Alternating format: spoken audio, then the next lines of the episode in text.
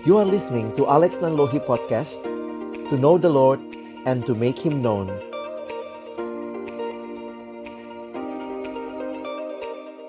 Sama-sama kita berdoa sebelum kita membaca merenungkan firman-Nya. Kami bersyukur kepada Tuhan kesempatan ibadah Tuhan berikan kembali kepada kami. Biarlah seperti pujian yang kami naikkan, kami percaya bahwa di dalam pergumulan-pergumulan hidup kami, kehadiran Tuhan yang nyata itulah yang memberikan kepada kami kekuatan dan damai sejahtera, menjamin kemenangan kami sebagaimana yang akan kami baca dan renungkan di dalam firman-Mu pada malam hari ini. Berkati baik hambamu yang menyampaikan, setiap kami yang mendengar, Tuhan tolonglah kami semua, agar kami bukan hanya jadi pendengar-pendengar firman yang setia, tapi mampukan dengan kuasa dan pertolongan dari rohmu yang kudus, kami dimampukan menjadi pelaku-pelaku firman-Mu di dalam kehidupan kami. Bersabdalah ya Tuhan, di dalam satu nama yang kudus, nama Tuhan kami Yesus Kristus, penolong kami yang sejati. Kami menyerahkan pemberitaan firman-Mu. Amin. Shalom, selamat malam Bapak Ibu Saudara yang dikasihi Tuhan. Saya bersyukur buat kesempatan ini boleh sharing firman Tuhan dengan tema menjamin kemenangan. Di dalam kehidupan kita, tentunya kerinduan untuk boleh mengalami kemenangan di dalam kehidupan menjadi sebuah kerinduan yang dimiliki oleh setiap orang yang beriman. Tapi kita harus mengingat bahwa kemenangan kita hanya ada di dalam Yesus. Itulah yang kita nyanyikan barusan. Dan saya memulai dengan mengajak kita melihat satu kutipan yang menarik tentang kekristenan. Ada sebuah kalimat dalam bahasa Inggris yang setiap kali saya coba pikirkan, renungkan, iya ya, itulah kenyataan yang menarik. Dikatakan Christianity isn't a religion, it's a relationship with God through Jesus Christ. Kekristenan bukan sekadar agama, tetapi kekristenan adalah relasi dengan Allah melalui Yesus Kristus. Sehingga kalau kita melihat apa yang begitu penting di dalam kekristenan bukan sekadar ajaran Yesus. Bukan sekadar ritual-ritual di dalam kekristenan, tetapi Kristus sendirilah yang menjadi pusat di dalam kekristenan. Dan ini adalah sebuah relasi yang hidup. Dan inilah juga yang menjadi dasar dan jaminan bagi kemenangan kita. Ketika para pendiri agama yang lainnya berbicara tentang ajaran demi ajaran, berbicara tentang ritual yang harus dilakukan, tetapi kekristenan berbicara bagaimana kita boleh menerima Yesus sebagai satu-satunya Tuhan dan Juru Selamat di dalam kehidupan kita. Saya ingin mengajak kita sama-sama melihat ayat yang menjadi bagian kita, dan di dalam ayat ini juga kita biasa melihat atau apa yang jadi tema kita itu bersumber dari salah satu dalam ayat-ayat ini. Mari kita membaca, saya menuliskan ayat-ayatnya di layar sehingga kita bisa mengikuti untuk membaca Roma pasal yang ke-8 di dalam ayat yang ke-29, 28 sampai ayat yang ke-39. Kita tahu sekarang bahwa Allah turut bekerja dalam segala sesuatu untuk mendatangkan kebaikan bagi mereka yang mengasihi Dia, yaitu bagi mereka yang terpanggil sesuai dengan rencana Allah. Sebab semua orang yang dipilihnya dari semula, mereka juga ditentukannya dari semula untuk menjadi serupa dengan gambaran anaknya, supaya ia, anaknya itu, menjadi yang sulung di antara banyak saudara. Dan mereka yang ditentukannya dari semula, mereka juga dipanggilnya, dan mereka yang dipanggilnya, mereka itu juga dibenarkannya, dan mereka yang dibenarkannya, mereka itu juga dimuliakannya. Sebab itu, apakah yang akan kita katakan tentang semuanya itu? Jika Allah di pihak kita, siapakah yang akan melawan kita? Ia yang tidak menyayangkan anaknya sendiri, tetapi yang telah menyerahkannya bagi kita semua, bagaimanakah mungkin ia tidak mengaruniakan segala sesuatu kepada kita bersama-sama dengan Dia? Siapakah yang akan menggugat orang-orang pilihan Allah? Allah yang membenarkan mereka? Siapakah yang akan menghukum mereka? Kristus Yesus yang telah mati. Bahkan lebih lagi, yang telah bangkit dan yang juga duduk di sebelah kanan Allah yang malah menjadi pembela bagi kita. Siapakah yang akan memisahkan kita dari kasih Kristus? Penindasan atau kesesakan atau penganiayaan atau kelaparan atau ketelanjangan atau bahaya atau pedang? Seperti ada tertulis, oleh karena engkau kami ada dalam bahaya maut sepanjang hari kami telah dianggap sebagai domba-domba sembelihan. Nah, ini ayat yang biasanya kita pegang. Tetapi dalam semuanya itu kita lebih daripada orang-orang yang menang oleh Dia yang telah mengasihi kita.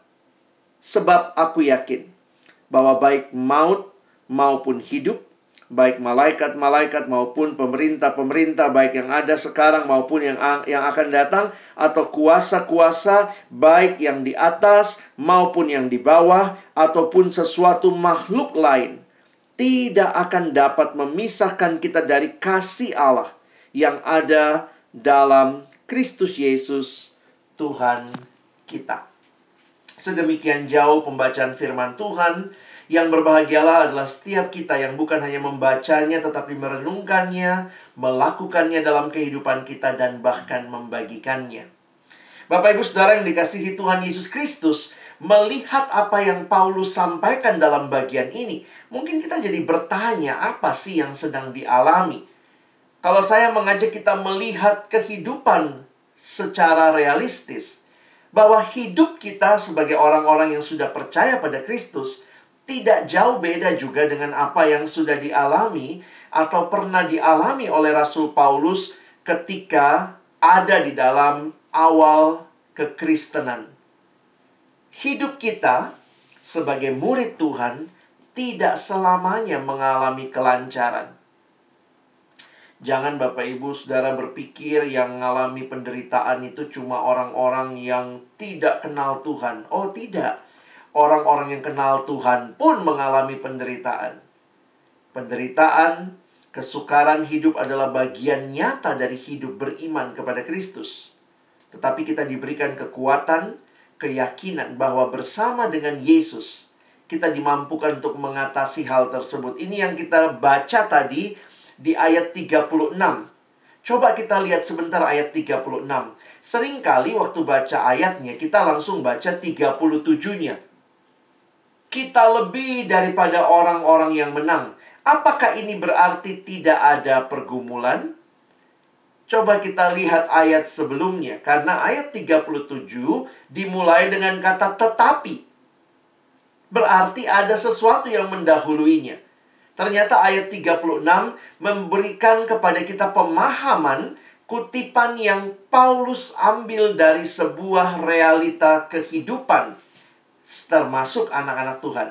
Dikatakan seperti ada tertulis, oleh karena engkau, oleh karena Tuhan kami ada dalam bahaya maut sepanjang hari. Tentu buat Paulus dan orang-orang di masa itu di mana kekristenan justru menjadi sasaran dari orang-orang yang tidak suka dengan kekristenan mau menganiaya, maka banyak orang-orang Kristen yang juga mengalami kematian karena iman kepada Kristus.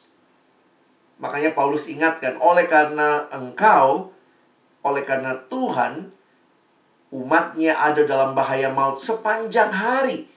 Kami telah dianggap sebagai domba-domba sembelihan. Nah, itulah realita yang dialami orang Kristen di masa Paulus. Dan saya pikir juga kalau kita menariknya bagi masa kita, bahwa ada kehidupan dengan berbagai pergumulan dan penderitaan. Tetapi dalam semuanya itu. Jadi saya harap kalau kita membaca ayat ini dengan jelas, bukan berarti orang Kristen tidak mengalami apa yang dialami orang-orang pada umumnya juga kita alami. Tetapi Nah, di sini kunci yang penting bagi kehidupan kemenangan kita. Maka karena itu kita melihat apa yang dikatakan tadi, kehadiran Yesus memberikan kekuatan, keyakinan.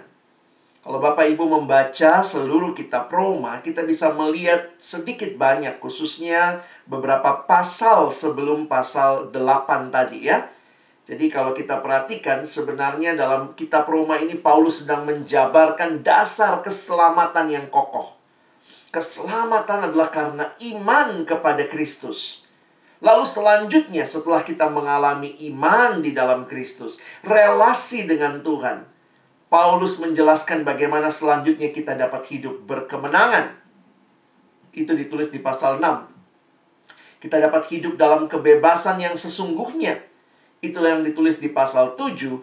Dan pasal yang ke-8 ini sebenarnya memberikan kepada kita jaminan akan keamanan, akan kemenangan, keyakinan ketika kita ada di dalam Kristus.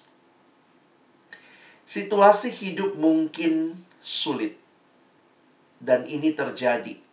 Di masa pandemi ini saya pikir begitu banyak hal-hal yang menyedihkan terjadi dan itu dialami baik oleh orang Kristen yang tidak kenal Tuhan. Lalu bedanya apa? Apa perbedaannya? Kenapa dikatakan dalam situasi sulit kita ini lebih daripada orang yang menang? Bukan cuma pemenang, saudara, lebih daripada orang yang menang. Karena sebenarnya ya ini kuncinya. Berfokus kepada Allah. Allah yang setia. Kepada kesetiaannya. Itulah yang membebaskan kita dari rasa takut. Nah, mari kita lihat sebentar. Kalau tadi kita baca ayat-ayat tadi ya, ini apa sih? Kenapa Paulus tulisnya begitu panjang mulai dari ayat 28? Tapi saya mau mengajak Bapak Ibu Saudara sedikit membedah beberapa ayat tadi ya. Khususnya ayat 28. Nanti kita perhatikan sampai dengan ayat yang ke-35. Karena inilah yang sebenarnya menjadi dasar keyakinan tentang apa yang Allah lakukan bagi kehidupan anak-anaknya. Mari lihat yang pertama, bagian pertama lihat Roma 8:28 ya, ayat terkenal. Seringkali dalam segala pergumulan kita hafal ayat ini kadang-kadang kita kirimkan kepada orang-orang yang lagi mengalami pergumulan. Ayat Roma 8 ayat 28 tapi kalau kita membedah ayat ini saya meminjam penjelasan dari seorang hamba Tuhan seorang teolog bernama John Stott. Dia mengatakan di ayat yang singkat ini Roma 8 ayat 28. Kita menemukan ada lima keyakinan yang tak tergoyahkan. Atau dia pakai istilah unshakable convictions. Itulah di ayat 28. Apakah keyakinan itu? Bahwa Tuhan sedang bekerja dalam hidup kita? Bahwa Tuhan bekerja untuk kebaikan umatnya? Bahwa Tuhan melakukannya dalam segala hal?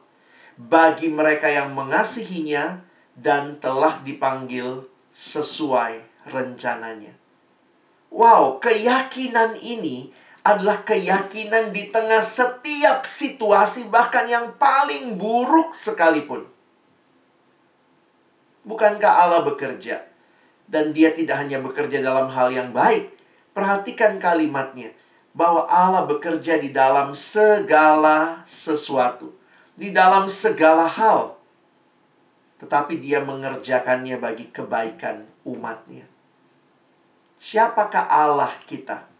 Dia adalah Allah yang memelihara. Inilah pemeliharaan Allah yang sempurna. Tidak ada satupun situasi yang terjadi di hidup kita di luar kontrol dan kehendak Allah yang sempurna keyakinan akan Allah yang memelihara. Nah, kita lihat lagi lebih lanjut dua ayat berikutnya. Roma pasal yang ke-8, tadi ayat 28, sekarang ayat 29 30. Jadi sekali lagi ya, kalau kita baca terus seperti itu, ini apa sih gitu ya. Tetapi kalau kita teliti kata per kata, bagian per bagian, dalam waktu yang singkat saya coba berikan kerangkanya. Nanti Bapak Ibu Saudara silahkan renungkan ini ya.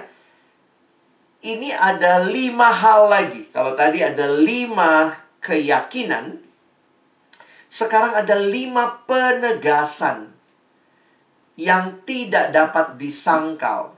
Undeniable affirmations. Di ayat 29 dan ayat 30. Dan penegasan ini dikaitkan dengan umat Allah. Siapakah umat Allah? Itu berarti kita. Kita semua orang-orang yang percaya pada Yesus, kita adalah umat Allah. Perhatikan penegasannya. Kita adalah orang-orang yang dipilihnya dari semula. Artinya Tuhan menaruh kasihnya pada kita. Yang telah ditentukannya. Ini semua ada di ayat tadi ya. Yang telah ditentukannya untuk menjadi serupa dengan gambaran anaknya. Berarti Tuhan punya tujuan buat hidup kita.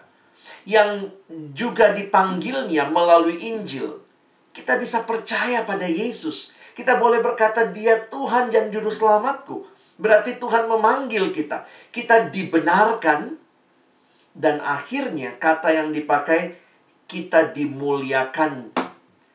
Kalau Bapak Ibu perhatikan dalam terjemahan berbahasa Inggris itu sesuai dengan bahasa aslinya, ternyata kata dimuliakan bukan bicara akan dimuliakan, tetapi dipakai bentuk lampau past tense.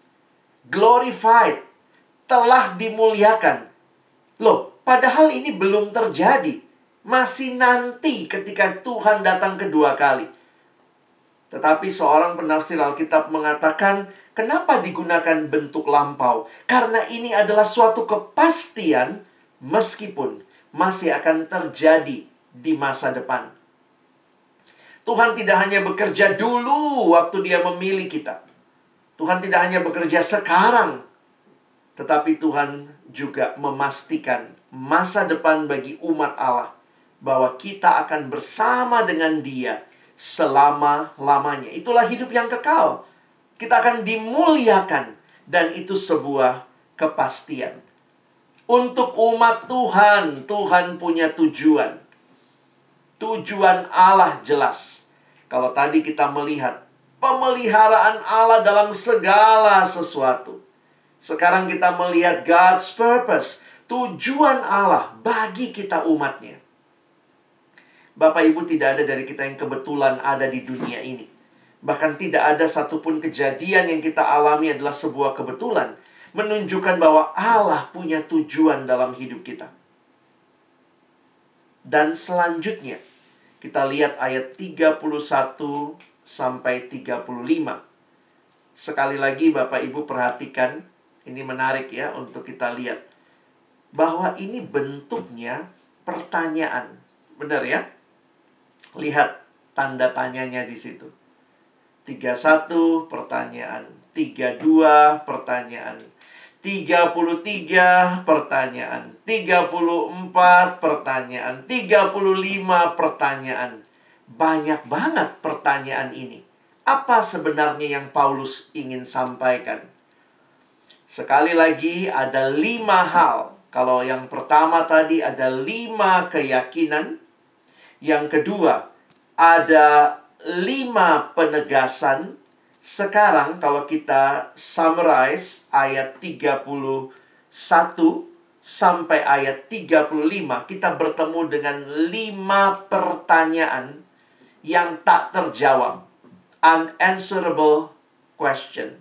Sebenarnya ini bukan tidak terjawab karena tidak ada jawabannya, tetapi seolah-olah ini seperti pertanyaan retoris. Pertanyaan yang tidak membutuhkan jawaban. Perhatikan di ayat 31. Jika Allah di pihak kita, siapa yang akan melawan kita? Lalu kemudian ditanyakan lagi, Bagaimanakah mungkin ia tidak mengaruniakan segala sesuatu kepada kita bersama-sama dengan dia? Ayat 32. Ditambah lagi ayat 33. Siapakah yang akan menggugat orang-orang pilihan Allah? Pertanyaan keempat, siapakah yang akan menghukum mereka? Pertanyaan kelima, siapakah yang akan memisahkan kita dari kasih Kristus? Ayat ini secara umum mau menyatakan bahwa Allah kita adalah Allah yang sungguh-sungguh mengasihi kita. Di sini kita melihat akan kasih Allah yang sungguh nyata, yang tidak membawa kita atau tidak membuat kita terpisah, tetapi kita tetap ada di dalam kasih dan anugerahnya. Jadi Bapak Ibu Saudara sekalian lihat ya, ayat-ayat yang panjang tadi ternyata kalau kita bedah, kita ketemu lima keyakinan, lima penegasan, ada lima lagi pertanyaan tak terjawab atau tidak membutuhkan jawaban karena sudah jelas bahwa ini semua menyatakan yang pertama apa tadi? Yang pertama bicara tentang pemeliharaan Allah. Yang kedua, berbicara tentang tujuan Allah. Dan yang ketiga, berbicara tentang kasih Allah. Jadi luar biasa. Fokus kepada Allah. Allah yang kita kenal. Allah yang memelihara hidup kita. Dia punya tujuan bagi kita. Dan dia mengasihi kita. Karena itu Bapak John Stott menyimpulkan. Nah ini kira-kira kesimpulannya. Di dalam ayat-ayat ini, here then are five convictions, lima keyakinan tentang pemeliharaan Allah, about God's providence, lima peneguhan atau penegasan akan tujuan Allah, dan lima pertanyaan yang tidak butuh jawaban tentang kasih Allah. Jadi kalau di total semua, 5 tambah 5 tambah 5 dari ayat 28 sampai 35 kita menemukan 15 keyakinan tentang Allah. Jadi kalau kita bicara kehidupan yang penuh pergumulan, betul saudara-saudara kita yang lain pun mengalami itu. Tapi apa bedanya bagi kita yang percaya? Ada Allah di dalam setiap pergumulan kita dia Allah yang memelihara, dia Allah yang punya tujuan, dia Allah yang mengasihi. Ada 15 jaminan yang Allah berikan. Tidak heran tadi sampai ayat 35 ya. Tidak heran Paulus berkata ayat 36 dan 37. Kalau bicara penderitaan, Paulus bilang kami ini ada dalam bahaya maut sepanjang hari kami seperti domba sembelihan, tetapi dalam semuanya itu kita lebih daripada orang-orang yang menang. Dari mana kemenangan itu? Dari semua keyakinan yang dia sampaikan. Ada 15 keyakinan dan dia mengatakan oleh Allah yang telah mengasihi kita. Nanti kalau Bapak Ibu lanjut lagi ya. Ini kalau membedah ayat Alkitab ini indah sekali membacanya, merenungkannya, memberikan kita keyakinan. Kan itu Paulus bisa berkata di dua ayat terakhir. Sebab aku yakin maut, hidup, malaikat, pemerintah sekarang akan datang kuasa baik yang di atas, yang di bawah, sesuatu makhluk lain tidak akan dapat memisahkan kita dari kasih Allah yang ada dalam Kristus Yesus, Tuhan kita. Mari memandang kehidupan dengan perspektif yang berfokus kepada Allah. Sehingga ketika kita fokus kepada Allah, kita bisa melihat segala sesuatu dengan lebih jelas. Karena Allah tidak berubah. Dia tetap Allah yang memelihara, dia tetap Allah yang punya tujuan bagi hidup kita. Dan dia tetap Allah yang mengasihi kita. Dan tidak ada yang dapat memisahkan kita dari kasihnya. Kadang-kadang sulit buat kita ya melihat Allah dengan jelas hanya karena situasi kondisi kita. Saya ingat sebuah pengalaman Bapak Ibu sekalian kalau saya ini sering pelayanan karena saya melayani di pelayanan siswa dan mahasiswa jadi banyak kelilingnya ke sekolah ataupun kampus-kampus. Nah, saya ingat uh, biasanya kalau SMA ya, itu kalau lagi mau ujian nasional, wah dulu kan sangat ditakuti ya. Kalau mau ujian nasional lalu kemudian nanti ada diundang, Pak, ada kebaktian persiapan ujian nasional ya. Menarik juga ya kalau ujian nasional aja baru kebaktian begitu ya. Lalu kemudian di dalam persiapan kebaktian itu waktu saya renungkan firman akhirnya saya jadi menyadari begini ya.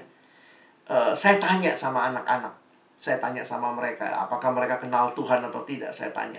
Adik-adik, kalau kalian lulus ujian nasional, apakah Tuhan baik? Wah, semua langsung jawab, baik. Gampang jawabnya.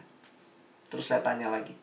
Kalau kalian tidak lulus ujian nasional, Tuhan baik? Eh, nah, ba, gitu ya. Langsung terbata-bata menjawabnya.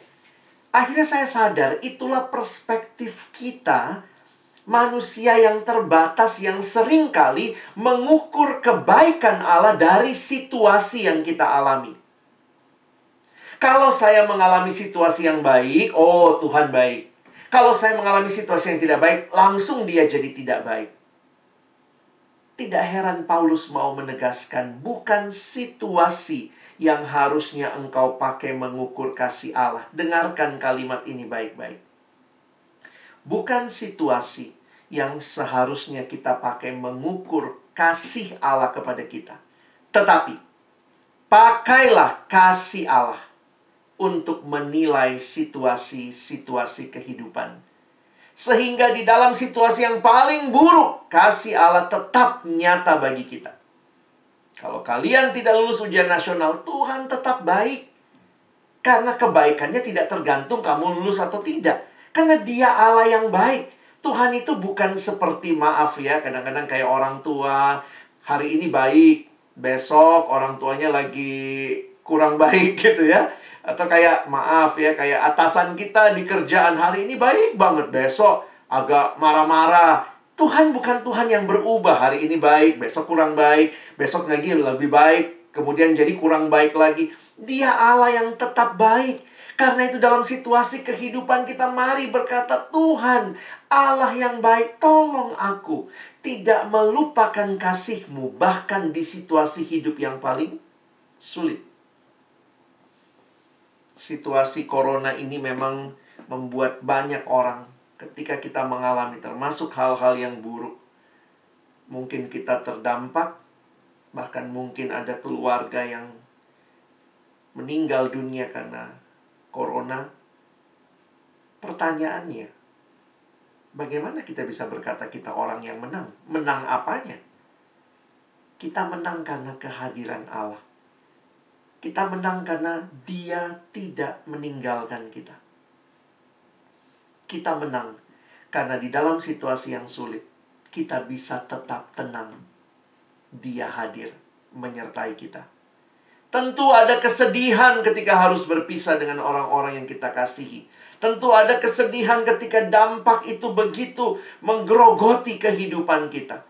Tentu ada kesedihan ketika semua situasi yang tidak enak terjadi. Tetapi di dalamnya tidak membuat kita tenggelam dengan kesedihan.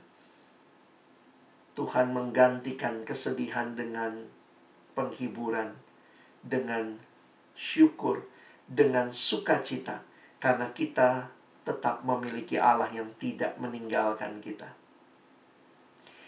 Jadi bagaimana menghadapi pergumulan hidup? Bagaimana bisa tetap tenang dalam situasi yang ada? Bukan dari apa yang kita usahakan, tetapi pandanglah kepada Tuhan. Ada sebuah slogan, Bapak Ibu pernah lihat kalimat ini? ini langsung punya makna ganda ya waktu terjadi situasi corona ini. Kenapa ya? Waktu ada ujian itu butuh tenang. Kalau anak-anak ujian gitu ya, atau Bapak Ibu juga mungkin dulu pernah waktu sekolah, kuliah. Karena kalau tenang, kita bisa mengerjakan dengan baik. Ujian itu sendiri sudah sulit ya. Kita butuh ketenangan. Makanya di dalam situasi hidup bukannya kita minta Tuhan jangan ada ujian. Nggak bisa Bapak Ibu ya. realitanya lagu yang kita nyanyi tadi ya dalam hidup yang penuh tantangan. Jadi jangan minta hidup tanpa ujian, tetapi mintalah Tuhan, aku mau tetap tenang. Dan dari mana itu? Dari fokus kepada Tuhan, kepada janji-janjinya. Dia hadir dan tidak meninggalkan kita. Karena dengan kita tenang, apa yang terjadi? Nah, 1 Petrus 4 ayat 7 mengatakan kesudahan segala sesuatu sudah dekat. Karena itu kuasailah dirimu dan jadilah tenang supaya kamu dapat berdoa. Bapak Ibu Saudara yang dikasihi Tuhan, kiranya perenungan firman Tuhan hari ini menolong kita punya keyakinan bahwa situasi hidup mungkin berubah-ubah, tetapi ada Allah yang tetap sama yang menyertai kita dan kehadirannya cukup untuk membuat kita bisa melalui segala pergumulan. Apa pun yang sedang Bapak Ibu Saudara alami, ingatlah dia menjamin kemenangan kita. Karena kemenangan itu bukanlah hidup tanpa masalah. Kemenangan sejati adalah di tengah masalah yang paling sulit sekalipun. Kita tetap menikmati kehadiran Allah yang tidak meninggalkan kita. Dialah sumber kemenangan kita. Selamat menjalani hari-hari hidup berkemenangan. Bukan karena tidak ada masalah, tetapi karena ada Tuhan di dalam pergumulan yang paling sulit sekalipun. Mari kita berdoa meresponi firman. Kami bersyukur untuk firman-Mu ya Tuhan yang memberikan kepastian bagi setiap kami. Kami mohon tolong kami. Tidak mencurigai Tuhan dalam situasi yang sulit. Tidak meragukan kasih-Mu. Tidak membuat kami merasa Engkau sudah meninggalkan kami. Tapi hari ini firman-Mu mengingatkan kami bahwa tidak ada satu pun yang dapat memisahkan kami dari kasih-Mu. Dan karena itulah kami lebih dari pemenang pergumulan hidup kami lalui bukan dengan kekuatan kami, tetapi bersama Tuhan. Tolong Bapak Ibu Saudara sekalian dalam pergumulan kami masing-masing, baik yang sudah berlalu, yang sedang kami hadapi, bahkan yang masih akan kami hadapi ke depan, kami tetap ingat kehadiranmu itu cukup dan memberikan kekuatan bagi kami. Terima kasih Tuhan, tolong kami bukan cuma jadi pendengar firman, Mampukan kami jadi pelaku-pelaku firman-Mu. Dalam nama Yesus kami bersyukur. Amin.